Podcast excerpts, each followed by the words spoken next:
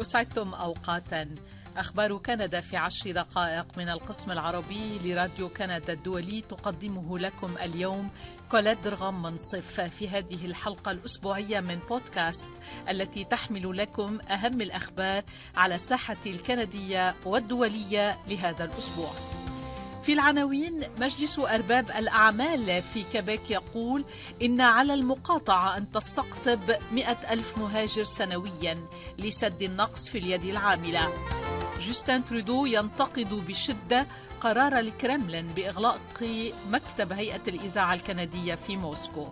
ارتفاع معدل التضخم في كندا مرة أخرى إلى أعلى مستوى له منذ 31 عاما مسجلا 6.8% والسكان الأصليون يطالبون الملكة إليزابيث الثانية بالاعتذار. تفاصيل الأنباء. حض مجلس أرباب الأعمال في كيبيك الحكومة على زيادة عدد المهاجرين الذين يتم استقبالهم سنويا في المقاطعة. ونشر المجلس هذا الأسبوع كتابه الأبيض حول الهجرة مطالبا حكومة حزب التحالف من أجل مستقبل كيبيك بالعمل على استقبال مئة ألف مهاجر سنوياً. ويشكل هذا العدد ضعف العدد الذي حددته حكومة فرانسوا لوغو بناء على ما يسمى بقدرة تكامل كيبيك وجاء في الوثيقة التي نشرها المجلس أن الحكومة لم تثبت على الإطلاق ما هو المصدر الذي تستقي منه استنتاجها بأن قدرة المقاطعة على الهجرة ستقتصر على خمسين ألف مهاجر سنويا أو ما هي المعايير التي تؤسسها الحكومة لنفسها لتحديد هذه العتبة. بدوره طلب اتحاد غرف التجارة في كيبيك الأسبوع الماضي تحديدا واضحا لما تقصده كيبيك بقدرة الاستقبال. هذا ويعتبر مجلس أرباب الأعمال أن متطلبات معرفة اللغة الفرنسية التي تفرضها كيبيك عالية جدا وليست ضرورية لمعظم الوظائف. بالإضافة إلى ذلك ينتقد المجلس استمرار تقاسم إدارة ملفات الهجرة بين كيبك وأوتوا لما يتسبب به من تأخير في معالجة الطلبات. ينتقد المجلس أيضا حكومة لوغو لتعليقها برنامج المهاجرين المستثمرين ولتسديدها ولتشديدها معايير أحد برامج الهجرة الأكثر شعبية وهو برنامج التجربة الكيبيكية يذكر أنه مؤخرا كان مجلس أرباب الأعمال مع غيره من مؤسسات ريادة الأعمال في كيبيك قد أوصوا باستقبال 80 ألف مهاجر سنويا لسد النقص في اليد العاملة في المقاطعة ذات الغالبية الناطقة بالفرنسية. تشير وثيقة مجلس أرباب الأعمال إلى أنه على كيبيك أن تتوصل إلى استقبال 80 ألف مهاجر على الأقل وبشكل مثالي أن يصل العدد إلى 100 ألف مهاجر سنوياً. ويجادل المجلس بأنه يرفع هدفه من أجل المحافظة على الوزن الديمغرافي في المقاطعة وفي كندا حيث تهدف الحكومة الفيدرالية إلى الترحيب بالمزيد من الوافدين الجدد في سائر أنحاء البلاد. أعلن الكرملين يوم الأربعاء الماضي أنه سيتم إغلاق مكتب هيئة الإذاعة الكندية في موسكو وإلغاء تأشيرات واعتماد صحفيها في روسيا. وأوضحت المتحدثة باسم وزارة الخارجية الروسية ماريا زخاروفا خلال الإحاطة الأسبوعية مع الصحفيين أنها إجراءات انتقامية تم اتخاذها ردا على تصرفات كندا منذ بداية الحرب في أوكرانيا. وأضافت أن حكومة جوستين ترودو اتخذت توجها معاديا للروس بشكل علني مشيرة إلى أن هيئة الإذاعة الكندية أصبحت البوق الذي يروج للدعاية المناهضة لروسيا على حد تعبيرها. كذلك نددت الناطقة باسم الخارجية الروسية بدعم أوتاوا لكييف قبل وبعد بدء الهجوم الروسي على أوكرانيا في الرابع والعشرين من شباط فبراير الماضي. وغردت زخاروفا على تويتر مشيرة إلى قرار أوتاوا بحظر بث القناة الإخبارية الروسية آرتي باللغتين الإنجليزية والفرنسية على أراضيها. في أوتاوا غرد رئيس الوزراء الكندي جوستين ترودو على حسابه على تويتر منتقدا بشدة قرار طرد وسائل الإعلام الكندية من موسكو واصفا بأنه قرار غير مقبول. يحاول بوتين منعهم من نقل الحقائق وهذا أمر غير مقبول. يجب أن يكون الصحفيون قادرين على العمل بأمان من دون رقابة أو ترهيب أو تدخل. سنتمسك وستتمسك كندا دائما بهذا المبدأ. جاء في تغريدة ترودو.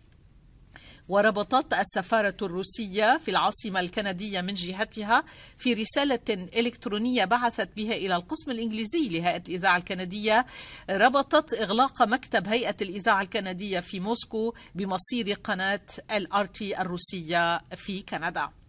تجدر الإشارة إلى أن هيئة البث الإذاعي الكندي كانت علقت أنشطتها في روسيا في الرابع من آذار الماضي بعد اعتماد قانون يفرض عقوبات شديدة بالسجن وغرامات كبيرة على كل من ينشر معلومات تعتبر غير صحيحة عن الجيش الروسي. ثم قالت المؤسسة الإعلامية الكندية إنها تريد توضيح نطاق هذا القانون الجديد من أجل ضمان سلامة الصحفيين والموظفين المنضوين تحت لوائها المتمركزين في موسكو.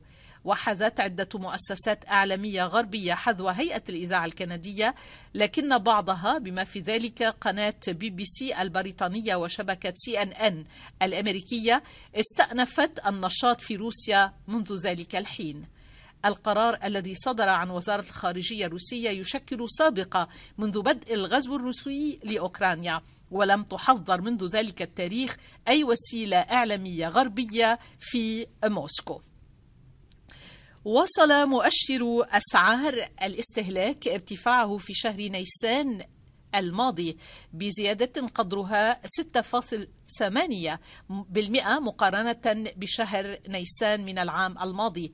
وأفادت وكالة الإحصاء الكندية بأن مؤشر أسعار الاستهلاك وصل ارتفاعه في نيسان الماضي في كندا بزيادة قدرها 6.8% مقارنة مع الشهر ذاته من العام 2021 مدفوعا بشكل أساسي بارتفاع أسعار الوقود والإسكان والغذاء.